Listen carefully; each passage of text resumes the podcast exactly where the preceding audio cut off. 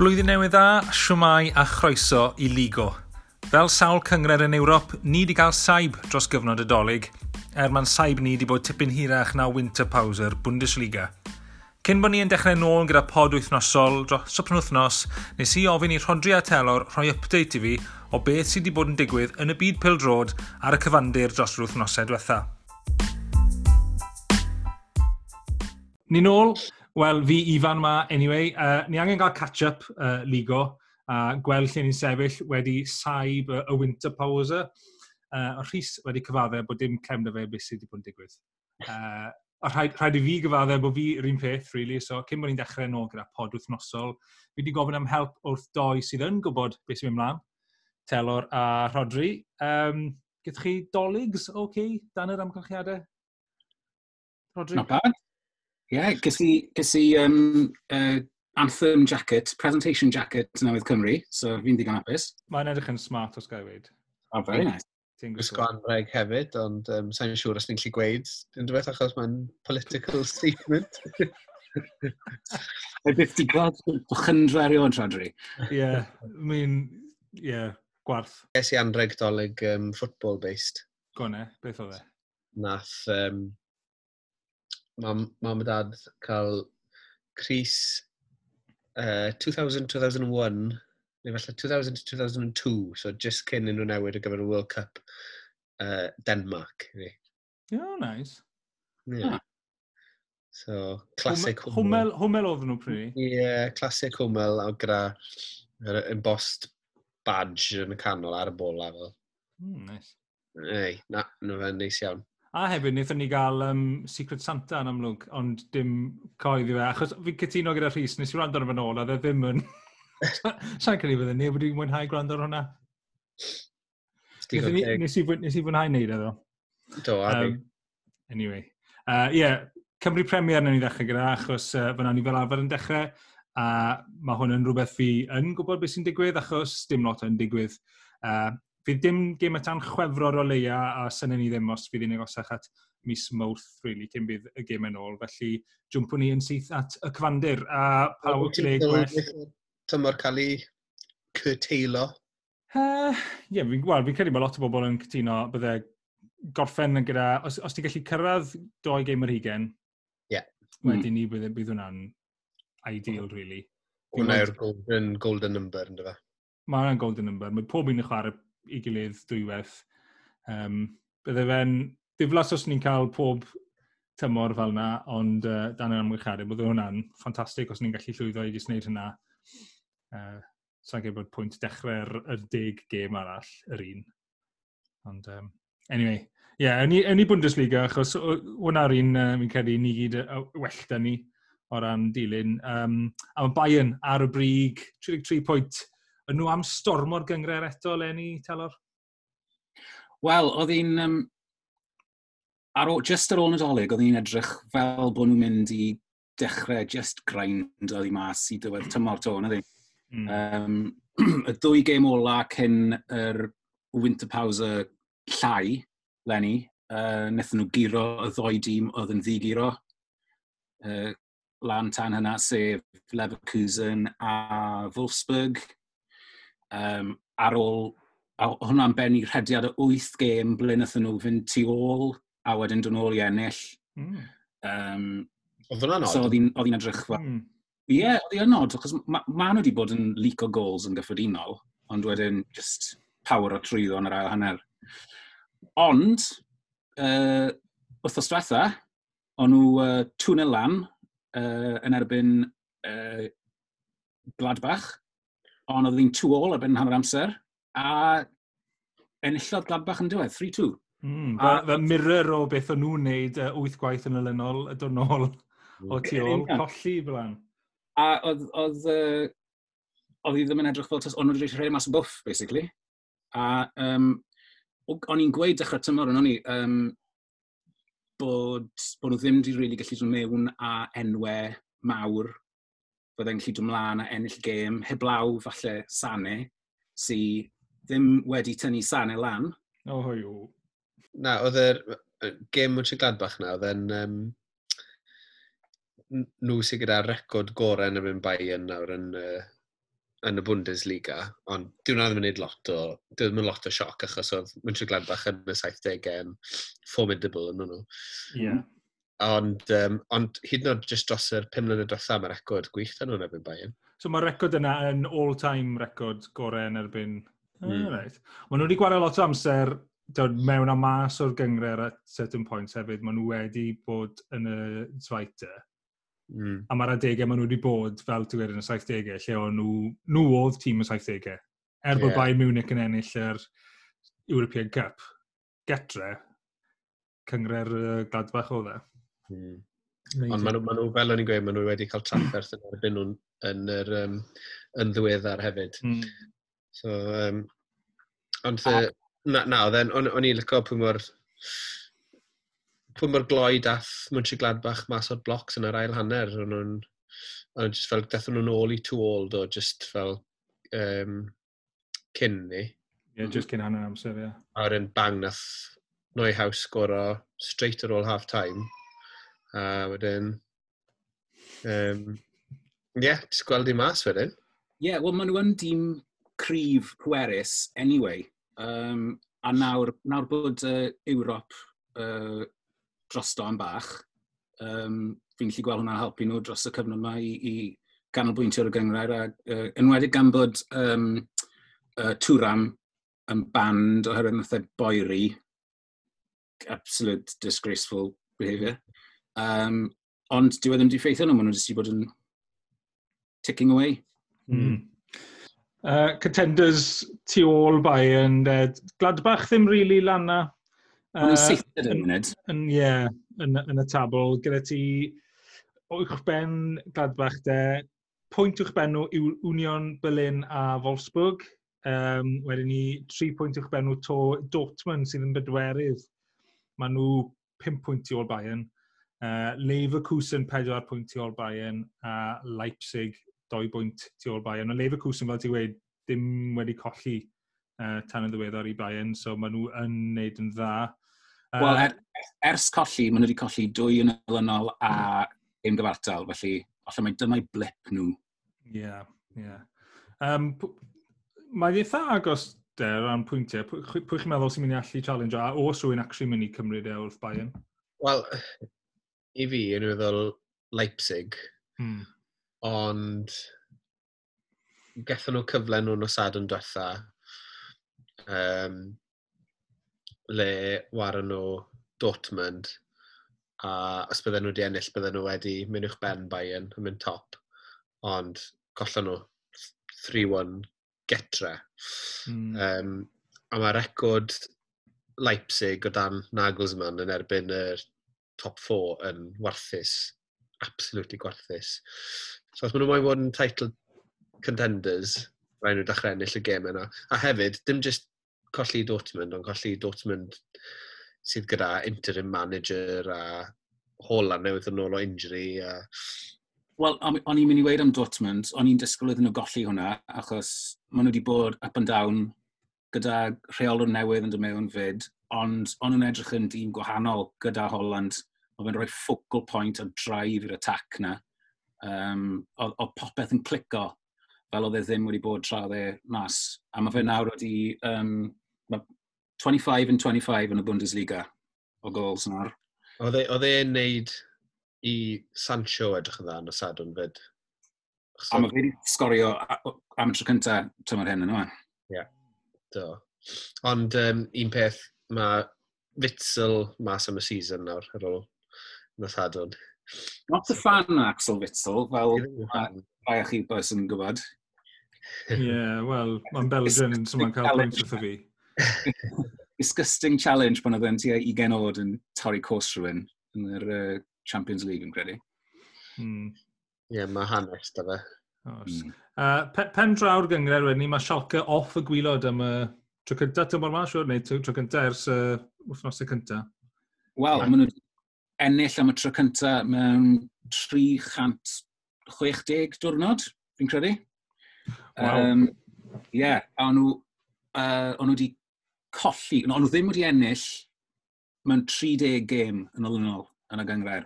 A uh, Tasmania Berlin o 1965 o 31 gêm heb ennill yn y Bundesliga. Um, yr unig reswm oedd Tasmania Berlin yn y gyngrair oedd nath Herta gael i cico mas o'r Bundesliga oherwydd financial discrepancies. A oedd yr uh, Deutsche Fußball Bund yn teimlo bod y braidd yn embarrassing bod dim tîm o'r brif ddinas yn wario yn eu cyngred nhw. So nhw'n just mynd lawr y tiers o pwy oedd y tîm oedd yn fodlon step o lan. A Tasmania bach nath, nath ateb yr alwad a o'n nhw just yn dreadful. Yeah. Uh, so, mae ma Schalke finally wedi uh, ennill a wnaethon nhw giro Hoffenheim yn gyfforddus 4-0 a maen nhw wedi ffindio American Wunderkind newydd, apparently, uh, sef Matthew Hoppy, uh, striker oedd braidd wedi sgorio hyd yn oed i'r under 19s i Schalke a sgorodd e hat-trick hyfryd o just cael ei roi trwyddo, dink finishes, composure, lovely stuff. Mm.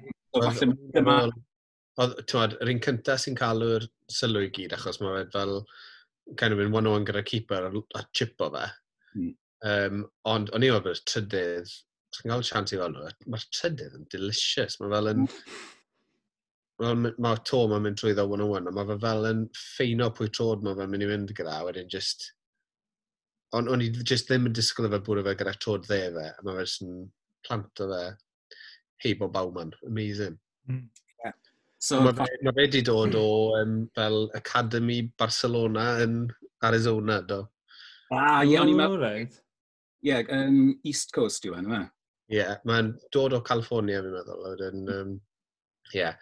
Ond um, beth yw e, 18? 19 falle, just. Na, dal bach o waith i wneud ar ei um, um, interviews e. O'n i, nes i bach yn, bach yn excited ar ôl gweld gols. O'n i fel, pwy yw'r kid ma? Nes i watcho interview e gyda teledu Almeineg wedyn, Dietmar Hamann yn y studio yn holi fe. um, yeah, oedd e um, tair gol, zero charisma. Wel, fi, be fi'n gobeithio yw taw dyma bydd yn newid i Shark 04. So dyma New Hope, New Hoppy i yeah. Shark 04. Nice. Oedd e'n lle Schalke 0 ffia, oedd e'n Shalca ffia 0 ti sadon. Mm. Ah, ie. Yeah. Yeah. Sy'n erbyn Hoffenheim. Um, Feda, telor. Um, ar dechrau weddol da i feddwl pa mor wael o'n nhw llynedd, ond maen nhw'n slip o lawr nawr nag gen nhw. Dim wedi cael well, y dechrau gorau i 2021 chwaith. Na, nethon nhw... Oedd y dro wrth diwethaf yn y rhaid. Um, Dim Leverkusen. Ie, yeah, um, take that. Ond, ie, yeah, maen nhw wedi bod yn dechrau edrych bach yn sigledig. Um, mae ma nhw'n oce okay, os, os nhw'n ffindo yr, um, yr, yr, y cadernid yna wnaethon nhw ffindo dechrau'r tymor. Mae uh, lot llai o anafiadau dyn nhw nag o llynedd, Dylse bod yn oce. Okay. Um, mm. uh, just dal ati, fi'n meddwl, bydd yn oce, bydd yn oce. Um, a un beth wnaethon ni ddim siarad yn biti uh, oedd uh, DFB Pockart yn ei siamto fe spel. Mae Feder Bremen trwyddo oedd y gêm na cyn dolyg, ond mae yna rhai gêm wedi bod yn fwy diweddar um, mm -hmm. gan gynnwys Holstein Kiel yn curo Bayern Munich ar uh, Cicio Smotin. Lovely, lovely competition yw'r DFA Pokal. Fi wastad yn hoffi o'r ymlaen achos bod e ar YouTube. Mm. Yeah, Wel, os chi'n cael y chance, chi'n gweld Kit Bayern yn y gêm na? O, oh, hwnna yw'r un, uh, mae Didas wedi bod yn gwneud tipyn o'r fel... Mae nhw'n edrych fel fysa plentyn wedi gwneud nhw gyda creion, ie? Ie, yeah, na ti, so fel bod plentyn... Un o'r deals yma gyda Pala, Palace, fel nath uh, Juventus llynedd. O, oh, ie. Yeah maen nhw'n gwneud deals gyda fel design collectives sydd yn right. edgy ac yn hipster. Ie, ond ma, ma, yeah. fi'n cael Juventus yn un o'r rhai sydd wedi gwneud Lenny Tor, e? Eh? So mae Man United wedi chwarae gyda un o'n nhw. Mae Bayern wedi gwneud, um, pwy all, mae sawl tîm sydd yn gwisgo vintage kit fel arfer o'r 90au, ond mae'n edrych os nhw wedi cael ei wneud gan creu a wedyn ni ffotocopio neu rhywbeth fel O'n i, o'n i mewn bod eitha llwyddiannus, actually. O'n i'n eitha mm. licio fe yn erbyn cil, ond nath e orfod i cil i wisgo away kit nhw mm. getre. Mm. Wysio'n i ddim yn cil.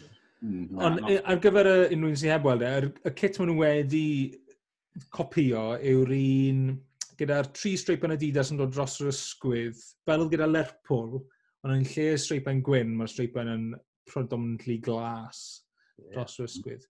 Mae'n siarad yn meddwl yn ffynnu achos mae ba fans Bayern wedi categorically gweud bod nhw'n byth moyn glas o'r kit nhw eto. Ond maen nhw'n dewis, y kit nhw'n dewis neu nostalgia am oedd un gyda lot o glas yna fe. Yeah. Wel, well, dwi'n fans yn mynd i boicoto ar y funud, you know, so... Ie, yeah, mae'n anwyr. Yeah, screw the fans. Um, cwpl o results eraill o'r, or pocal oedd yn uh, tynnu sylw fi, oedd Paderborn y Ciro Union sydd yn neud yn dda yn y gyngred, um, Essen sydd yn un o'r regional ligas yn Ciro Dusseldorf, Um, o'n i'n bocwm yn curo Mainz a Firth yn curo Hoffenheim, ond Mainz a Hoffenheim ddim yn un gret yn y gyngred, so nhw ddim yn teimlo fel gymaint o siocs.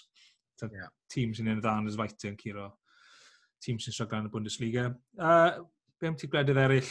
Serie A.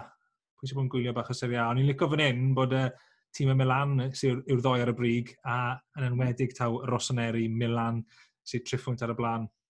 Ie, yeah, mae um, rhyw old school look i'r top two na nesa. Ie, yeah, os, fi'n licio fe. Very right. uh, late 60s.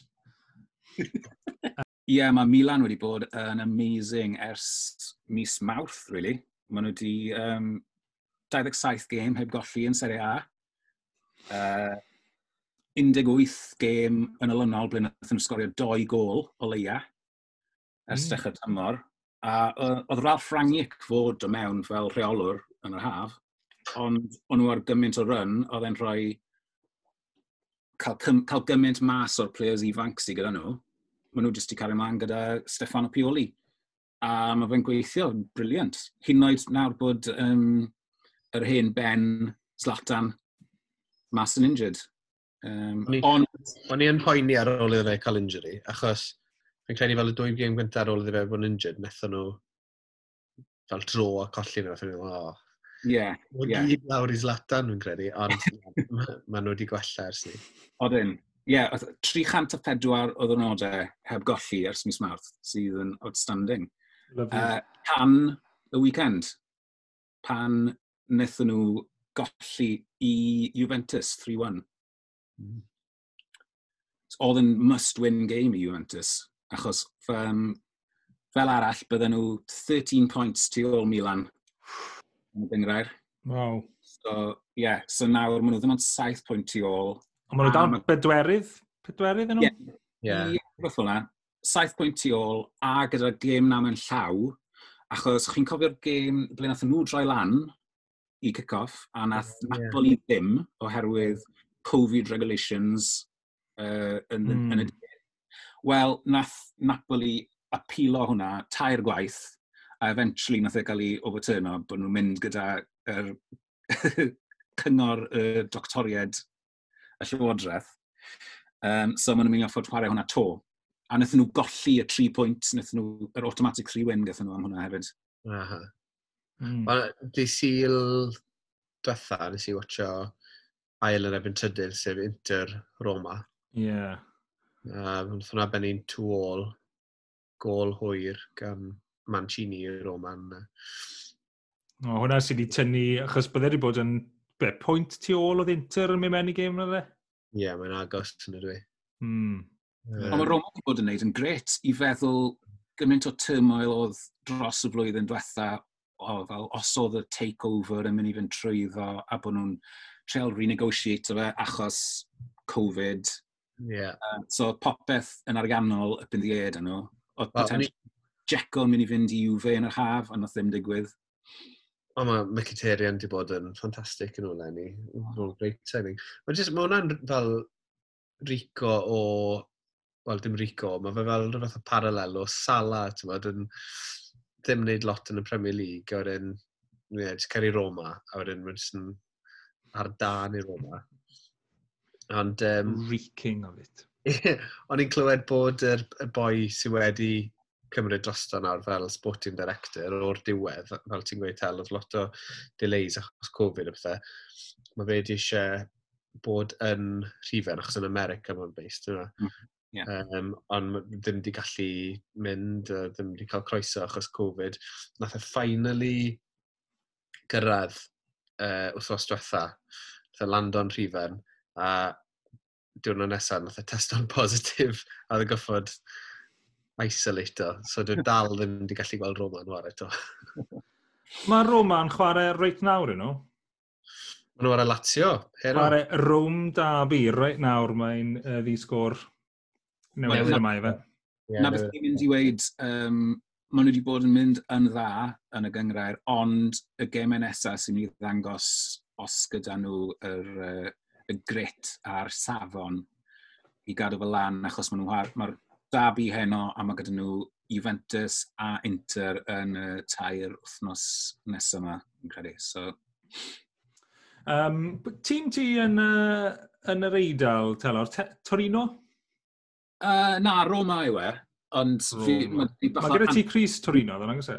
os mae hwnna'n fwy o anti-UV uh, bias neu'n uh, I can get on board with that. Ond mae Torino wedi get slip o lawr i'r relegation zone achos bod Genoa wedi jwmpo i chi pennau nhw. A fe ti, Telol, yn gweud am ti um, Pavel Nedved? O, o'n i'n gwylio Juventus yn uh, Coppa Italia nos yn o blaen. Ie, yeah. yeah, o'n nhw yn gath Genoa gêm gyfartal o, o 90 minutes gyda Juve dod ôl o 2-0 down i uh, mm. 2-all, ond um, dath Juve'r big guns man yn yr 10 munud diwetha a uh, ennill i yn, uh, yn yr amser ychwanegol wedyn ni. Gyda um, gol uh, cyd bach yn y gweithod ar ei, yn ei game gynta, sa'n cofio enw fe off top yn hen. O ti'n gweud am ti'n nedfed, oedd yeah. nhw shot ohono fe yn y stand, a mae'n amlwg bod e wedi bod yn tyfu wallt mas yn, uh, yn lockdown, oedd e'n edrych yn voluminous a voluptuous iawn o'r teg. So di gweld llun o hwnnw, yw e'n well na Pirlo, basically? O, oh, mae ma fe fel um, Patrick Swayze yn Point Break. o, oh, no, ie, yeah, okay, nice. Mae fe basically, achos dwi e ddim di hynny i lot chwaith, a dwi'n e edrych fel oedd e pan mae'n ware. Pretty much, ie. Yeah. Nice, nice. Probably yn edrych ifancach a beth oedd yn Euro 96, achos oedd yn hegar y gwallt byr, oedd e ddim yn edrych yn gret, really. Oedd e oes e'r gwallt wedi creu... Yeah, er unig, wrong look. Yr unig peth arall sy'n gweud dyw um, um, Atalanta dal yn mynd yn y reit, ond dyw Papu Gomez ddim wedi ware. Mae wedi ware 37 munud ers uh, dechrau mis Rhagfyr i nhw. Mm. Um, a oedd yr holl thing... I, un o'r pethau fi, fel y romanticism rownd Atalanta, oedd fel Papu Gomez, achos oedd e'n un o'r chwaraewr na dath e o Catania, wel na, dath e o Catania i Ukraine, um, achos oedd e'n gweud bod e yma'n warau Champions League football. Um, a wedyn dath e'n ôl. Um, ond ie, yeah, mae'n edrych fel bod yr um, partneriaeth na rhwng Atalanta a Papwn dod i bennar, achos bod e, fel Gasparini mm, newid i ffordd o ware tymor bach a papwn ffindio fe'n galed slash ddim eisiau newid lle oedd um, a fi'n cwto uh, Gasparini fan hyn, uh, Remo Froile yn barod i newid. So, bach yn hash pin o papw yn erbyn Froile fel di angen. Ond, um, so, ie, yeah, jyst dwi'n ymware, a nath i frawd yng nghyfraith e, mi mewn i cyfarfod gyda fe, gyda'r clwb, a nath nhw holi iddo fe beth yw'r diweddara, wedi dde, neu deith popeth mas, deith y e manylion i gyd mas, unwaith bydd papw wedi gadael, sy'n swno cyn bo hir. Swno'n mm. dodge. Ie, yeah. fi wedi gweld bod e wedi troi lawr uh, bids i fynd i Al-Nazr, fi'n credu, neu mm. rhywle yn, rhywle yn y golf a um, FC Cincinnati yn uh, MLS hefyd. A mae ma Al Nasser yn un o'r tîmau mae gyda ti Chris Beldrod, Rodri. Mae'n wir, mae'n yn wir. Ydy. Great stuff. The love affair might not be over for Rodri. Yeah, yeah. Oh, new founder. Na, ond mae ma deulu fe, mae tri o blant o fe yn Bergamo, a pwy sy'n just lan yr hewl o Bergamo yw Milan, a sy'n gyda um, Christian Eriksen yn pydru ar y fanc. Mm. So, a mae fe angen minutes i cyn yr Euros i Denmark. Felly, beth am swap deal bach fyna? Ond, mm. dyw Monza ddim yn bell iawn na. Ww, hello. Beth sy'n digwydd yn Monza, Rodri? Ie, yeah, na, just nhw yw plaything diwedd ar um, Berlusconi, ynddo fe. So, a mae'n ma just yn annoying bod arian yn, yn talu ffordd. Maen nhw'n wneud yn dda yn Serie B. Yr tîm sy'n gyda'r record am mwyaf o seasons yn Serie B. Ife? ie. Ond byth di bod yn Serie A eriod. Ond nawr, gyda help Arian Berlusconi, gyda Mario Balotelli, a Persa, Kevin Prince Boateng. Ti'n gwybod bod Kevin Prince Boateng yn mynd unrhyw le am cash. exactly. Oh. Mae ma ma ma hanes o hwnna yn yr eidl, ddo. Ti ddim ti Parma, Perugia, nhw gyd yn dod lan achos cash fe, a wedyn ni mae'n gyd yn mynd y chwal, a wedyn ni yep. digwydd to gyda rhywun arall. Yep. Unwaith ar, dim byd arall o'r eidl o sen, ni'n symud ymlaen i Ffrainc, Ligue 1. Ti'n gwybod, um, TV deal wedi crasio trwy ddod, o e, Telor? Do, oedd uh, main TV deal nhw gyda um, cwmni o Barcelona, cwmni o Sbaen, a fi'n geso oherwydd Covid ac ati, bod nhw ddim wedi gallu talu i installments diwetha, so mae hwnna wedi colapso trwy dda. Um, fi'n Ond cred... nallai hynna neu dyn nhw ddim yn hapus bod PSG yn cadw dwy'n players gore o'r Barcelona, falle? A bod Memphis Depay wedi troi nhw lawr, falle? Ie, yeah. yeah, falle. Ond fi'n fi, fi geso taw Canal Plus, wneud uh, step o mewn. Uh, torri, torri bach o uh, cash off y deal, uh, er mwyn safio y gyngor falle. Um, so dwi e ddim yn ideal situation i tîmau sydd yn stryglo'n ariannol fel Lille tan yr wythnos, wythnos y diwethaf yma. Tîm arall sydd wedi cael take-over deal wedi mynd trwyddo o'r diwedd ar ôl lot o ffaffan yn byty. So nawr maen nhw sydd uh, ar y top o gyngrau fi'n credu. Um, um, Leon, Leon sydd ar top o gyngrau fi'n credu oh, sorry, mae uh, ma Lille un pwynt tu ôl Leon lefel gyda PSG yn ail. Mm, tin ar y top, ie. Yeah. Yeah, PSG gyda rheolwr newydd? Wedi ei benodi neu mynd i gael ei benodi? Ydy, wedi wara dwy gem yn y gyngred a un uh, Coupe de Champion. Ie. Yeah. Which nath, uh, which nath PSG ennill bit o Marseille nos fercher. Um, Treni Tuchel yn cael ei saco ar nos yn Nadolig, Drian. To. Dolly llawn i ti boi? Nos Tuchel. So, uh, Pochettino. O'n i, nes i fynd ar um, i chwilo, pam bod Pochettino yn cael ei alw'n Pochettino a ddim Pochettino? Achos mae enw gwraidd eidalaidd, Pochettino bydde rhywun o'r eidal yn cael ei alw. A jyst yeah. rhywbeth lle mae'r enwau pan maen nhw'n mynd i'r e- ariannu'n yn kind of Argentinians yn gweud bethau slightly gwahanol i Italians. Uh -huh. Yeah, na, mae'n ma good move all round, fi'n meddwl.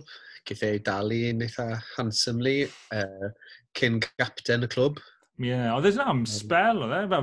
Nhw, fe, nhw a Espanol yw'r unig tîm fi'n gallu meddwl am mae fe wedi chwarae. Ath, e, ath e o PSG Bordeaux, fi'n credu, so erbyn y diwedd. Ah, um, ond, um, dim hwnna yw'r uh, most surprising um, managerial in, incoming manager yn y Ligan dros y, dros y cyfnod dolyg. Mae Nont wedi dod mewn â Raymond Domenech. right. Sydd ddim wedi gweithio yn Ligan ers 93 gyda Leon. Ond yn amlwg wedi wneud yn dda a yn wael gyda Frank. Um, tîm cenedlaethol Ffrainc yn yr dim-dimau. Um, boi bachod, mm. really. Um, nath mam text o fi neithwr i weid bod hi wedi clywed ar y radio bod yn um, neud team selections e yn ôl yr star sign, so dwi e ddim yn folon war y doi Leo yn centre half o bwysig gilydd. A hefyd... Eith uh, Messi ddim un ond, de. Eith be? Messi. Messi ddim un ond. Da iawn, da iawn. Um, Wel, byddai ni ddim yn cael ware yn centre half ar y moment. Gyda, gyda, gyda Leo Messi, ie. Yeah. yeah, exactly. Un o'r llall. A What a pairing. It's me or uh, Messi. a wedyn, um, hefyd, beth sy'n neud um, move bach odd yw mae Dominic dros y deg mlynedd diwethaf wedi bod yn TV pundit a mae wedi bod ar y bod o um, fel uh, LMA, fersiwn hmm. Ffrainc o LMA. Right, yeah. Mae rheol i gael dyn nhw um, yn Liga, lle sy'n hawl da neb dros 65 cael job fel manager, mm. ond on, mae hawl da chi roed mewn am special dispensation, ond mae rhaid chi fel mynd trwy kind of fel trwy'r LMA, a mae rhaid nhw gyd fwto i, i weld os mae fe'n oce. Okay. Mm. A oedd e dead against yr er, um, unrhyw un dros 65. Fe oedd un o'r pobl mwy fwcal am dylen nhw dros 65 cael gweithio fel manager yn Ligan. Ond... Gael go, nath e go ar Claudio Ranieri, yn dofe, pan nath e i manager na'n bach. I nont, do, exactly, do. A wedyn, oh. lo and behold, cael ei offro job. O oh, ie, yeah, New Year, yn iawn, mae'n gymryd e. Is e it 68. Ie. Yeah. Absolute hypocrite. Mochyn. Mochyn. Oh, God. Uh, mae wedi cael, uh, fi'n fi credu, ennill a dro yn dwy gêm gyntaf fe a'r manager cyntaf nont yn rhywbeth fel 20 mlynedd i, i cael mwy na 3 points mas o dwy gêm cyntaf nhw. so, relative success i dydyn. Mm. Uh, unwaith arall i wedi am ti Frank? O'n i jyst mae'n gweud, um, fi'n gobeithio bydd y ffaith bod Lille nawr yn sefydlog ddim yn goffo gwerthu players, um, bod Lyon yn gallu dal ymlaen i Memphis a Awar a'r ffaith bod nhw ddim yn Ewrop Lenny, yn golygu bod nhw'n gallu canolbwyntio ar y gyngrair. A hefyd, um, Marseille, sydd gyda dwy gêm mewn llaw a 8 pwynt tu off y top, um, os maen nhw nawr conveniently mas o Ewrop hefyd, uh, ar ôl cael ei dympo mas yn ddi ceremony o'r Champions League. So gobeithio allan ni gael uh, proper ras am y teitl yn Ffrainc lenni. Mae'n ma mae dyn yna ar y top ar un o bryd, yn edrych yn gyd. Mae Leon gyda llaw wedi cael gwared o Musa Dembele hefyd. Mae wedi mynd i Atletico Madrid on loan. Mm. Sy'n edrych fel falle wneud e'n permanent yn yr haf. Mm. Um, achos er bod e'n great player, dwi jyst ddim di bod. Front 3 di bod yn depau a cael tocw cambi sydd yn wario fel met achos positive Covid test. A wedyn ar ochr arall, um, boi'r enw Cadawere Zimbabwe yn dath o lafr, nath cyrraedd lafr o Sweden. A mae fe'n bangon mewn i Leon, sy'n top of the league. Mm. Stori bach neis. Nice and flying up the ranks. Ydy. Yeah, Um, ma... amser ychwanegol gyda ti fi? Ie, yeah, os mae amser ychwanegol dy fi. Um, ni... Fi'n gwybod bod ddim hawl dyn ni'n neud hyn yn real life, ond nawn ni hedfan draw i Canada. Mae Montreal Impact um, No More.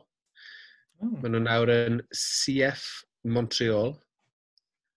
Club de Football Montreal. Um, maen nhw wedi mynd yn erbyn y fans gyda hyn. Lot o'r fans ddim yn hapus. Um, a y peth sydd wedi corddi nhw fwyaf yw bod y badge wedi newid. So o'r blaen oedd e'n kind of fel arbais gyda y stripes di a glas gyda fleur de lis um, ar y top, so yn represento Quebec yn amlwg. Mm. A maen nhw ne newid yn awr, i, o oh, ie, yeah, oedd e'n yn oedd e. Maen nhw wedi newid yn awr i fel stylized kind of um, snowflake gyda um, ym yn neud lan fel snowflake type thing. Right. Um, Achos mae'n o'r yn Canada? Yeah, apparently. Mae fe fod symboleiddio'r ddinas ar rhyw bullshit fel Mm. Ond, um, yeah, um, be, be mae'r fans yn gweud yw, dy'r pobl sydd wedi wneud hyn ddim wedi meddwl am y beth yw ystyr snowflake dyddi yma a bod nhw jyst mynd i cael ei ripo gan away fans ar y hmm. Montreal Snowflakes. Oh. Okay. E- nag ydym ond snowflakes bydd yn poeni am biti y ffaith bod nhw'n cael ei galw'n snowflakes yn y lle gyntaf, ia? Who cares? Ond mae'n ma, ma fe'n really, really odd decision ni. Ie, wel, mae'n, ie. Wyt ti ddim yn cael na mewn lot o wledydd, ond mae'n gwledydd lle mae gyda ti franchises. It's free for all, we. Telor, beth yw amser ychwanegol ti? Uh, o'n i jyst mae'n mynd i ochr draw'r byd yn gyfan gwbl i Australia Achos... Och, global ligo heddi. Ie, yeah, o, o Snowflakes i roles sy'n ganol haf, achos bore fori fi'n mynd i watcho uh, un o'r Melbourne Derbies, sef Victory yn erbyn uh, Western United. Pwy tîm ti? Victory. Ah, uh, a, ti... a, a, a, a ymhelaethu ar hynna wrth nesaf. Uh, ah, dim dim ond achos bod Jeff a fe chwarae yna? Wel, mae hwnna'n un rheswm. nice. Yeah heb, heb Rhys mae i cymryd y mic am ex-ABBA players.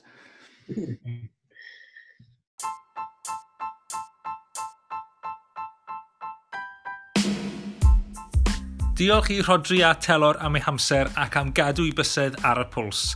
Diolch i ti hefyd am rando. Byddwn ni nôl i'r arfer yn yr wythnosau nesaf, ond tan hynna, hwyl fawr.